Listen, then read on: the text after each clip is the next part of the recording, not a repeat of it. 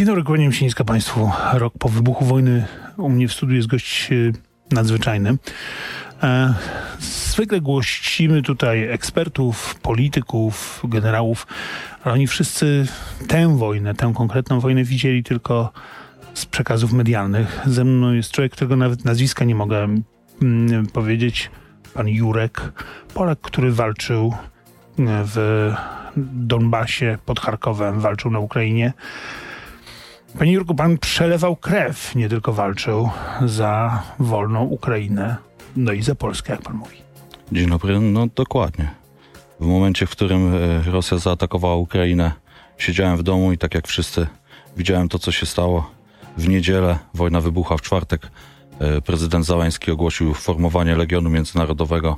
W poniedziałek poszedłem do e, ukraińskiej ambasady.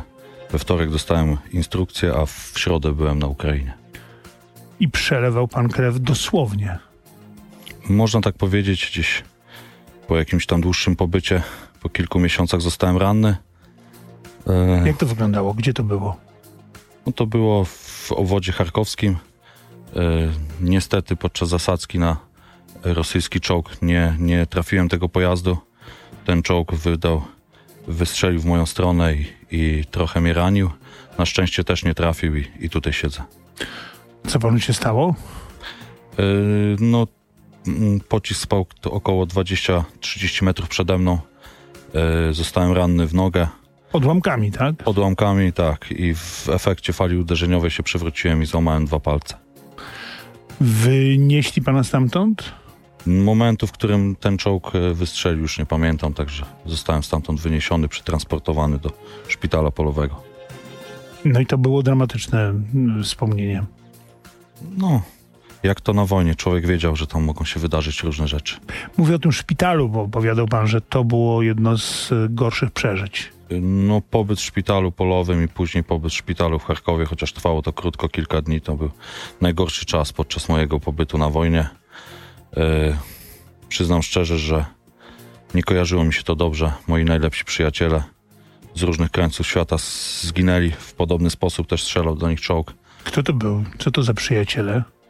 Miałem przyjaciela z Tajwanu, z Japonii. Niestety nie żyją, tak. Moja przyjaciółka ze Stanów Zjednoczonych e, cudem uniknęła śmierci, też strzelał do niej czołg. Opowiadał pan o tym, że była wasza trójka, tak? Trzech przyjaciół i tylko pan przeżył, chociaż ranny. Dokładnie, tak można powiedzieć. No, Shuto z, z Sapporo i, i Jonathan z, z Tajwanu niestety nie żyją. Bardzo wielu takich ludzi zginęło. Giną Polacy, giną, jak słyszymy, Japończycy, giną Chińczycy z Tajwanu, giną e, przede wszystkim Ukraińcy. E, I ta wojna trwa, natomiast pan opowiadał o tym szpitalu i to mną wstrząsnęło, że tam się, że tam się widzi dopiero ogrom tego piekła. No ja nawet nie zasnąłem w szpitalu, że tak powiem, modliłem się o to, żeby mogła, może mógł się przespać w lesie, jak to miało miejsce trzy miesiące przez przed tym, jak tam trafiłem. Mówiąc Wolał szczerze, pan las niż łóżko szpitalne? Zdecydowanie. To, to, co się dzieje w szpitalach na Ukrainie, w tej chwili na pewno też, bo w tej chwili wojna jest jeszcze bardziej krwawa niż w momencie, w którym ja tam byłem, to, to człowiek dopiero w tym momencie widzi skalę tej wojny, widzi tragedię tego narodu i widzi, co tak naprawdę tam się wydarzyło. Znaczy, rozumiem, że i jęki, krzyki rannych, no i ciała zmarłych to jest coś, czego się, od czego nie można uciec. Dokładnie tak jak teraz się pojedzie do jakiegokolwiek większego ukraińskiego miasta, to widać ludzi z protezami bez, bez nóg, bez rąk, bez kończyn. Tak i w tym szpitalu, no. Opatrzono mnie raz przez, przez półtorej dnia i, i nikt się mną nie interesował, nawet tego nie wymagałem, ponieważ no, trafiają tam ludzie z takimi przypadkami, że, że człowiek nie jest w stanie tam zasnąć czy normalnie funkcjonować. Pan Jurek, polski żołnierz walczący na Ukrainie, był, e, był i jest naszym gościem. Był. Był na Ukrainie. Panie, Panie Jurku, opowiada pan o tym, mm, nie powiedział pan nam skąd pan się tam wziął. To znaczy, wyjaśnijmy jedno, ja mówię żołnierz, chociaż pan nie był i nie jest zawodowym polskim żołnierzem. Żaden zawodowy polski żołnierz e, nie może wyjechać na Ukrainę. Mogą wyjechać tylko e, cywile bądź byli żołnierze wszyscy ludzie, którzy nie są związani kontraktem z polską armią. No. Czyli pan nie jest żołnierzem? Czym pan się zajmował, jeśli to nie tajemnica? No, pracowałem tutaj w Warszawie jako, jako ochroniarz przed wojną. Był pan ochroniarzem, e, trafił pan tam od razu. E, rodzina wiedziała? Nie wiedziała. Dopiero dowiedziała się, jak już tam byłem. Że od razu ustalmy, pan żony i dzieci nie ma. Nie mam. Ale mama, Mama jest. Są trzy siostry. Przecież jakby się dowiedziała, to by się zapłakała. Możliwe, że tak było. Poinformowałem ojca, z którym się skontaktowałem, jak już gdzieś tam byłem, także Jak już gdzieś końca. tam byłem, znaczy jak już był pan na Ukrainie, jak już byłem na Ukrainie, już byłem w okolicach Kijowa. to wtedy powiedział pan ojcu. Dokładnie. I co ojciec na to? Nie wiem, bo zostawiłem wiadomość. Nie, nie starczyło mi odwagi, żeby zadzwonić.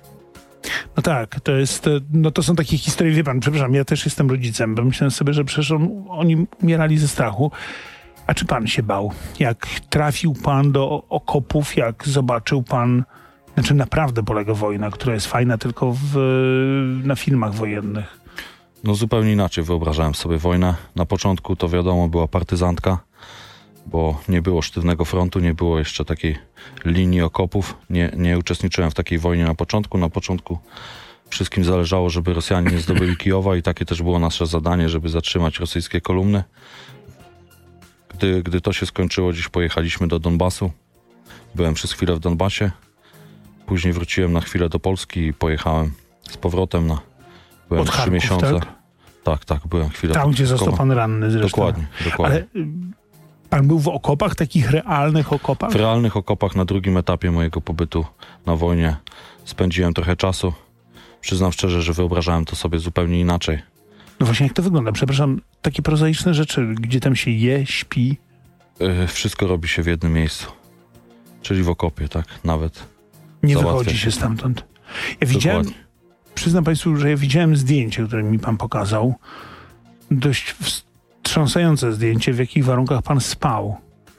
No, człowiek stara sobie, stara się wykopać sobie jak najmniejszy dół na wzór z własnego grobu i, i w tym miejscu śpi, tak? Ze Pan względu na to, że... wykopał sobie rzeczywiście coś, proszę Państwa, co wygląda jak grób. I Pan tam, To znaczy, to nie tylko ja, to, Ja to wiem. wszyscy sobie coś takiego kopią. i pan się tam, wyście się tam, Pan się tam umościł i spał. Dokładnie. Wszystko chodzi o to, żeby odłamki, które latają wszędzie po artyleryjskich i nie tylko ostrzałach, nie dosięgły człowieka. Ta największe, największe szanse przeżycia człowiek ma w momencie, w którym ma wokół siebie ziemię i jak najmniej wolnej przestrzeni. Tak? Jest wtedy najmniejsze prawdopodobieństwo, że taki odłamek człowieka A dosięgnie. jedzenie? Skąd mieliście jedzenie?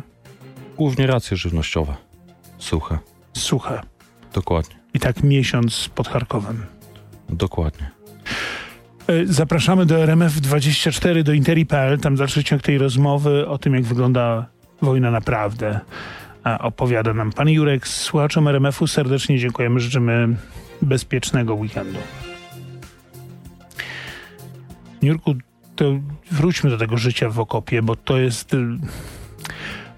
To wszystko jest... Znaczy, trudne do wyobrażenia. Jak ja zobaczyłem to zdjęcie, to przyznam, że ono zrobiło na mnie duże wrażenie, bo bo okopy nam się też kojarzą w filmach, wie pan, szerokie korytarze, biegają ludzie. E, pan się śmieje. Dlaczego? No bo no, nie, nie, zawsze, nie zawsze wygląda to tak, że ten okop jest szeroki, raczej zależy na tym, żeby był jak najwęższy, tak? Wąsko, ciasno, zimno, pada. No Nie akurat, akurat ja byłem w momencie, w którym było bardzo ciepło, więc nie było problemu z tym, że jest zimno. Hmm. A no tak, w tej pan chwili, w rzeczywiście tej był chwili. No dobrze, to pali słońce i nie mam gdzie się schować przed... y, wszystko, wszystko jest e, pod gałęziami drzew, pod liśćmi. A mieliście względu a na- na drony. wo, wodę? Z tym nie było problemu? Nie było, logistyka działała dosyć dobrze, przez cały mój pobyt raz brakowało nam jedzenia i, i jakichś tam podstawowych rzeczy do przeżycia, ale sobie poradziliśmy, bo mieliśmy dużo jabłek, które były dosyć niedaleko, więc sobie w odpowiednim momencie nagromadziliśmy Mieliśmy zapas. jabłka, więc mieliśmy co jeść. To brzmi naprawdę jak wojna. I To to, trwało tak wojna światowa. półtorej dnia, tak? Także No dobrze, wie pan tak, chociaż pan nie wiedział, ile to potrwa. no, Panie Jurku, dobrze, a, przepraszam, taka banalna rzecz. E, no jest pan na tym froncie, jest pan w okopie. Nawet się nie ma gdzie wykąpać, nawet się nie ma gdzie umyć porządnie. dokładnie. Bywało tak, że człowiek się przez tydzień nie kąpał. Czyli tak, nie ma się gdzie umyć i nie ma gdzie pójść do drugiego pokoju, żeby sobie raz w tygodniu porządnie odpocząć. Niestety nie ma odpoczynku. No dobrze, to jak wygląda ta wojna? Pan był przeszkolony z użycia broni? Z... Za drugim razem, jak tam pojechałem, to nas przeszkolili. E, Za pierwszym razem te szkolenie było prowizoryczne i jak to się mówi, pytali kto co potrafi, do czego się nadaje. Ja w Wojsku Polskim byłem celowniczym RPG, także strzelałem z, z RPG. Co to jest RPG? Proszę powiedzieć, bo nie wszyscy... To jest ręczny granatnik przeciwpancerny, służący do niszczenia pojazdów opancerzonych. Czyli do czołgów, do zatrzymywania pi- czołgów. Mhm. Bardzo często używany w walce z piechotą. Bardzo Mhm. skuteczny. Bardzo skuteczny. Dokładnie, na Ukrainie bardzo się sprawdza, mimo że jest to stara broń, to, to jest e, dobra. E, Ja na Ukrainie nie, nie miałem wiele wspólnego z tą bronią. Najpierw dostałem Javelina, to było na początku, Tego słynnego Javelina. dokładnie. Bardzo prostego w obsłudze i bardzo skutecznego. Na drugim etapie już tych Javelinów nie było, więc dostałem jakąś inną zach- zachodniej produkcji broń, która niestety nie była tak skuteczna. Ja nie zadam panu pytania, czy pan zabił człowieka, bo to nie jest temat do, do, do porannych rozmów przy kawie. Natomiast spytam pana, czy no, strzelał pan wiedząc, że, że może zabić. I o tym się myśli? Jakby pojechał pan tam i zobaczył tragedię tego narodu, tragedię, co się stało i, i kilku pana znajomych by e, zginęło, zanim pociągnąłby pan za ten spust, to nie myślałby pan w ogóle o tym. Człowiek o tym nie myśli, czy kogoś zabije, czy nie. Traktuje to w charakterze likwidacji wroga, likwidacji przeciwnika. Niestety, jeżeli nie my, to jeżeli nie oni, to my, to człowiek traktuje to w ten sposób, walczy o swoje życie. Chociaż pan i ci ludzie z e, tego korpusu, legionu, batalionu międzynarodowego e, byliście tam dobrowolnie. Wy nie broniliście przecież, przynajmniej no, niedosłownie, swojego kraju.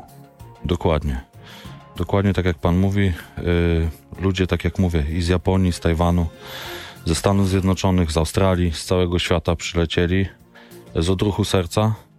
Nikt nie poleciał tam w celach zarobkowych. Dobrze, to od razu to powiedzmy, bo są opowieści o tym, że ach, to przecież są, wie pan, jakby pan pooglądał rosyjską propagandę, to po pierwsze, wszędzie tam są Polacy. Wszędzie. Tak, w rosyjskiej propagandzie są wszędzie Polacy, sami Polacy, tam dziesiątki tysięcy Polaków walczą na froncie. To od razu powiedzmy, pan, wedle pańskiej wiedzy, ilu jest Polaków w tej chwili? Maksymalnie 25. To wedle pańskiej wiedzy 25 Polaków walczy. Jestem o tym święcie przekonany, ponieważ od jakiegoś czasu pomagam tym ludziom. Dobrze, więc y, są tam.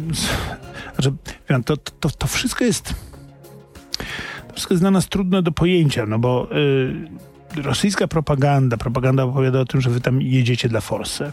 To powiedzmy o tym, ile pan zarobił za taką rozrywkę, jak miesięczne, czyli wielomiesięczne siedzenie w okopie bez, y, bez możliwości wysikania się w toalecie normalnej. Na początku nie dostawaliśmy nic, później to zostało uregulowane. Zależy też, trzeba powiedzieć, w jakim batalionie e, ukraińskim e, kto e, służy, bo w niektórych batalionach do dnia dzisiejszego jest tak, że ludzie nie dostają za to pieniędzy, a są to ochotnicze, a w Legionie Międzynarodowym dostaje się 1000 hrywien dziennie za przebywanie. to są jakieś śmieszne pieniądze. 120 zł za przebywanie na poligonie i szkolenie się i przebywanie poza linią frontu, a 3000 hrywien dziennie za Czyli walkę 300, na froncie. ponad 300, ponad 350 zł około. 350 zł za tak. Za 24 za godziny dobę. przebywania w lesie. w lesie. No, wie pan, niech pan nie mówi w lesie, bo w lesie to brzmi dobrze. Do lasu to można sobie na grzyby pójść. No dokładnie, ale wszystko, wszystko polega na tym, żeby ukryć się przed dronem, więc generalnie każdy szuka sobie jakiegoś drzewa, żeby się pod nim ukryć. Można to tak najprościej uzmysłowić ludziom. No dobrze, ludzie wie, dobrze, nie pojechaliście tam dla pieniędzy. Po co pan tam pojechał? Porozmawiamy o pańskiej motywacji. No od zawsze, yy, mówiąc szczerze, miałem rachunki do wyrównania z Rosjanami. Zabili mi kiedyś pradziadka, skrzywdzili mój, mój kraj, Polskę. No i zobaczyłem, co tam się dzieje. Na, na początku w telewizji, w mediach. Drugiego dnia wojny pojechałem na granicę, bo koleżanka mi poprosiła, żeby tam mamę z siostrą zabrać. Też zobaczyłem, jak to wygląda. No i tak jak mówię, w niedzielę dziś prezydent Załęski ogłosił formowanie Legionu Międzynarodowego i w środę z rana tam byłem, tak? A jak Ukraińcy przyjmowali Polaków, jak się dowiedzieli, że pan jest Polakiem? Wydaje mi się, że tak jak wszystkich ludzi, którzy tam przyjechali, czyli z ogromną życzliwością. Na początku wyglądało to tak, że sami byli zdziwieni, co my tam robimy. Ja jak prze- przekroczyłem granicę, to, to nikt nie wiedział tak naprawdę, po co ja tam przyjechałem. Co z panem zrobić? Co ze mną zrobić? No miałem jakieś numery kontaktowe i, i, i, i policja ukraińska gdzieś mnie, gdzieś mnie skontaktowała z, z wojenkomatem, zawiozła mnie tam. I tak to się potoczyło. Mhm. Miał pan jakieś wieści z kraju, wieści o tym, co się dzieje, W Polsce będąc na Ukrainie? W momencie, w którym mogłem, bo, bo jeszcze nie było tak tych Starlinków, bo w tej chwili są Starlinki, więc chłopacy mają, e, że tak powiem, kontakt z rzeczywistością praktycznie cały czas. E, wtedy tego nie było i, i nie zawsze mieliśmy kontakt ze światem, ale, ale człowiek nadrabiał Pew- zaległości. pewne wieści do was docierały, na przykład opowiadał że dowiedział się, że będąc pod Kijowem, że w Kijowie jest polski y, premier. Dokładnie, dokładnie. No takie, takie wiadomości e, motywujące były szeroko komentowane. To była ta pierwsza wizyta Mateusza Morawieckiego z Jarosławem Kaczyńskim i z premierami Czech i Słowenii. Dokładnie, to było bardzo motywujące dla wojska ukraińskiego. Nie wiem, jak naród ukraiński do tego podszedł, ale żołnierze w okopach odebrali to, że, że jeżeli e, premier rządu polskiego nie boi się tam polecić w takim momencie, to, to jest dobrze. To, to Pojechać, Ukraina. bo to raczej jechali No, pociągiem. przepraszam, tak. To, to Ukraina walczy i Ukraina się nie podda. Uważam, że to był taki jeden z pierwszych takich pozytywnych aspektów wysłanych przez, przez Zachód po tym, jak Załęski nie uciekł z Kijowa i tak naprawdę dzięki temu e, ta ukraińska obrona się trzyma do dnia dzisiejszego. Tak później ta wizyta i, i, i postawa. To było naprawdę wszystkim- ważne dla ludzi tam, tak? Moim zdaniem bardzo. Moim zdaniem bardzo. Jeżeli ktoś do, do ostrzeliwanego, jeszcze wtedy oblężonego Kijowa przy, przyjechał pociągiem, przyjechali premierzy z krajów europejskich, ościennych, te kraje już Wie pan, bo pomagały my wtedy. teraz już mamy inny obraz wojny. Widzieliśmy nawet, że latem ludzie sobie, wie pan, chodzą, spacerują, jedzą lody, kąpią się w basenach, ale wtedy to rzeczywiście wyglądało inaczej. To, był pierwszy, to były początki wojny i Kijów był pod regularnym ostrzałem. No ja w samym Kijowie wtedy nie byłem, byłem pod Kijowem od strony północnej, ale Gdzie pan był? no, Jeśli możemy teraz powiedzieć. no byłem w okolicach właśnie Buczy i Irpienia. Pan widział to wszystko, Nie się... widziałem nawet przez moment, nie byłem w tych miejscowościach, byłem w okolicach tych miejscowości. Naszym zadaniem było zatrzymać rosyjskie kolumny, żeby nie dojechały do Kijowa. Zatrzymać rosyjskie kolumny, to brzmi, wie pan, jak takie zadanie strategiczne, a realnie jak to wyglądało? Realnie wyglądało to w ten sposób, że przez tydzień czekaliśmy na, na, na pozycji. E, Ukraińcy obstawiali główne drogi i wszystkie du, du, główne trakcje komunikacyjne prowadzące do miasta, a my mieliśmy za zadanie zatrzymać e, kolumnę w momencie, w którym e, ona jechała przy torach, tak? Walczył pan pod Kijowem, w Donbasie i w W. Donbasie byłem dosłownie chwilę i w obwodzie charkowskim byłem najdłużej. Widział pan zrujnowany Charków, to, to osiedle mieszkaniowe z, zrównane w zasadzie z ziemią. Widuję je cały czas, jeżdżę na Ukrainę dwa razy w miesiącu No właśnie średnio. o, tym chcę, chcę, o to chcę spytać, bo pan wrócił do Polski po tym, jak był pan ranny, jak pana wywieźli, mm, ale nie przestał jeździć na Ukrainę. Z tym, że już nie walczyć, ale pomagać. Dokładnie pojawiły się możliwości, są dobrzy ludzie, którzy pomagają Polakom walczącym tam i, i, i wożę pomoc dla moich kolegów z Polski, którzy tam walczą. Dobra, wozi pan pomoc. Y, Skąd ją pan bierze? Yy, mówiąc szczerze, zewsząd cała Polska jest zjednoczona w tym temacie. Pomagają nam i środowiska narodowe, i środowiska lewicowe, i środowiska e, można powiedzieć kojarzone z nikim. Tak naprawdę wszyscy Polacy nam pomagają e, w momencie, w którym Polacy Właśnie to było niesamowite, jak pan opowiadał, że i Ruch Narodowy, jakieś organizacje lewicowe... i Fundacja Otwarty Dialog, i Ruch Narodowy, i, i polscy kibice, wszyscy pomagają Polakom, którzy tam są. Pomagacie Polakom, pomagacie wszystkim, którzy tej pomocy tam potrzebują. I to jest e, niesamowite, jak my, siedząc tutaj wygodnie w naszych domach, możemy pomóc. Myślę, że, że każdy, kto chce pomóc dla Polaków, którzy tam są, e, o, odpowiednie źródło znajdzie i, i może to zrobić. E, a uważam, że, że każde zaangażowanie jest tak naprawdę przydatne. Każda złotówka się liczy i, i na froncie dla chłopaków wszystko jest w stanie pomóc. Od, od samochodów po termowizję, noktowizję, drony. Wszystko jest potrzebne. Jest to sprzęt wojskowy, który się bardzo szybko zużywa. Mówi pan, pomagamy Polakom, pomagamy Ukraińcom. Mnie też interesują ci ludzie ze świata, którzy tam przyjechali, no bo o ile Polak jadący tam walczyć z, z ruskimi może mieć taką motywację, jak pan powiedział, nie, bronię też swojego kraju, bronię, włas, bronię Polski, bo Rusek się nie zatrzyma i zaraz mi tu przyjdzie, to przepraszam, ale gość z Tajwanu? No akurat y, Jonathan z Tajwanu twierdził, że, że e, Chiny są sprzymierzeńcami Rosji i, walcząc z Rosją osłabia Chiny i twierdził, że, a, że wojna do Tajwanu mm -hmm. i tak dotrze, więc... A tak Amerykanie, tak ci ludzie, nie wiem, z Australii? Bardzo wielu z tych ludzi ma polsko brzmiące nazwiska. Spotykałem się z takimi ludźmi. Bardzo wielu ludzi mówi, że ich rodziny, dziadek, pradziadek walczył II wojnie światowej, w I wojnie światowej na tamtych terenach. Jest dużo takich ludzi. Motywacje mają różną, tak, tak samo jak ci ludzie, którzy po prostu zobaczyli w telewizji, co robią Rosjanie, czyli mordują cywilów na Ukrainie, mordują ludzi, którzy nie są w stanie im zagrozić. To nie jest wojna z, z wojskiem ukraińskim, jest to wojna z narodem ukraińskim. Jak ktoś to zobaczy na żywo, to już nie potrzebuje żadnej motywacji. Bo już wie, że trzeba walczyć. Mm, dokładnie. Właśnie wojna, oni cały czas opowiadają jakiś, mówię o Rosjanach, o jakichś nazistach, z którymi walczą, że oni przecież nie są przeciw zwykłym ludziom. Proszę pana, większość Rosjan w okopach uważa, że walczy z Polakami. Jak widzi zachodniej produkcji samochód opancerzony czy coś takiego, to jest mnóstwo filmików, gdy widać poległych żołnierzy ukraińskich, a, a Rosjanie twierdzą, że są to Polacy. I, I ta propaganda, o której pan mówi, dociera do, do tych ludzi. Ci ludzie są święcie przekonani, że oni walczą z Polakami. Uważam, że że, że większość e, żołnierzy rosyjskich twierdzi, że, że to jest prawda, że Polacy gdzieś robili ofensywę pod Karkowem czy, czy takie rzeczy. Jest im to wmawiane po prostu dlatego, że e, nikt nie jest e, w stanie się tam przyznać do tego, że Ukraina ich zatrzymała, więc szukają hmm. sprawiedliwień i zwalają to na wszystkich dookoła. No tak, oczywiście Ukraińcy to, to, to są głupie hach, bo oni nie byliby w stanie zatrzymać Wielkiej Rosji. Oczywiście zatrzymują Wielką Rosję e, swoimi rękoma, ale przy pomocy Zachodu. Bez tej pomocy. Panie, panie Jurku, kiedy następny raz jedzie pan na Ukrainę? Myślę, że pod koniec przyszłego tygodnia. Pod koniec przyszłego tygodnia. Dokładnie. Życzymy panu tyle samo powrotów, co wyjazdów. I niech pan wraca bezpiecznie i cało. Rodzina i tak się pewnie denerwuje. Mm, denerwuje się, bo wiedzą, że, że chce wrócić na, na front. E, chce pan wrócić na front? Oczywiście. Chciałby pan W walczyć? momencie, w którym w, w godny sposób pomogę wszystkim Polakom, którzy tam są, na pewno tam wrócę. Teraz muszę pomóc moim kolegom. Sami tej pomocy oczekują i sami twierdzą, że tak trzeba zrobić, żeby po prostu wszystkich w odpowiedni sposób. Weźmie pan znów broń do ręki? Dokładnie tak.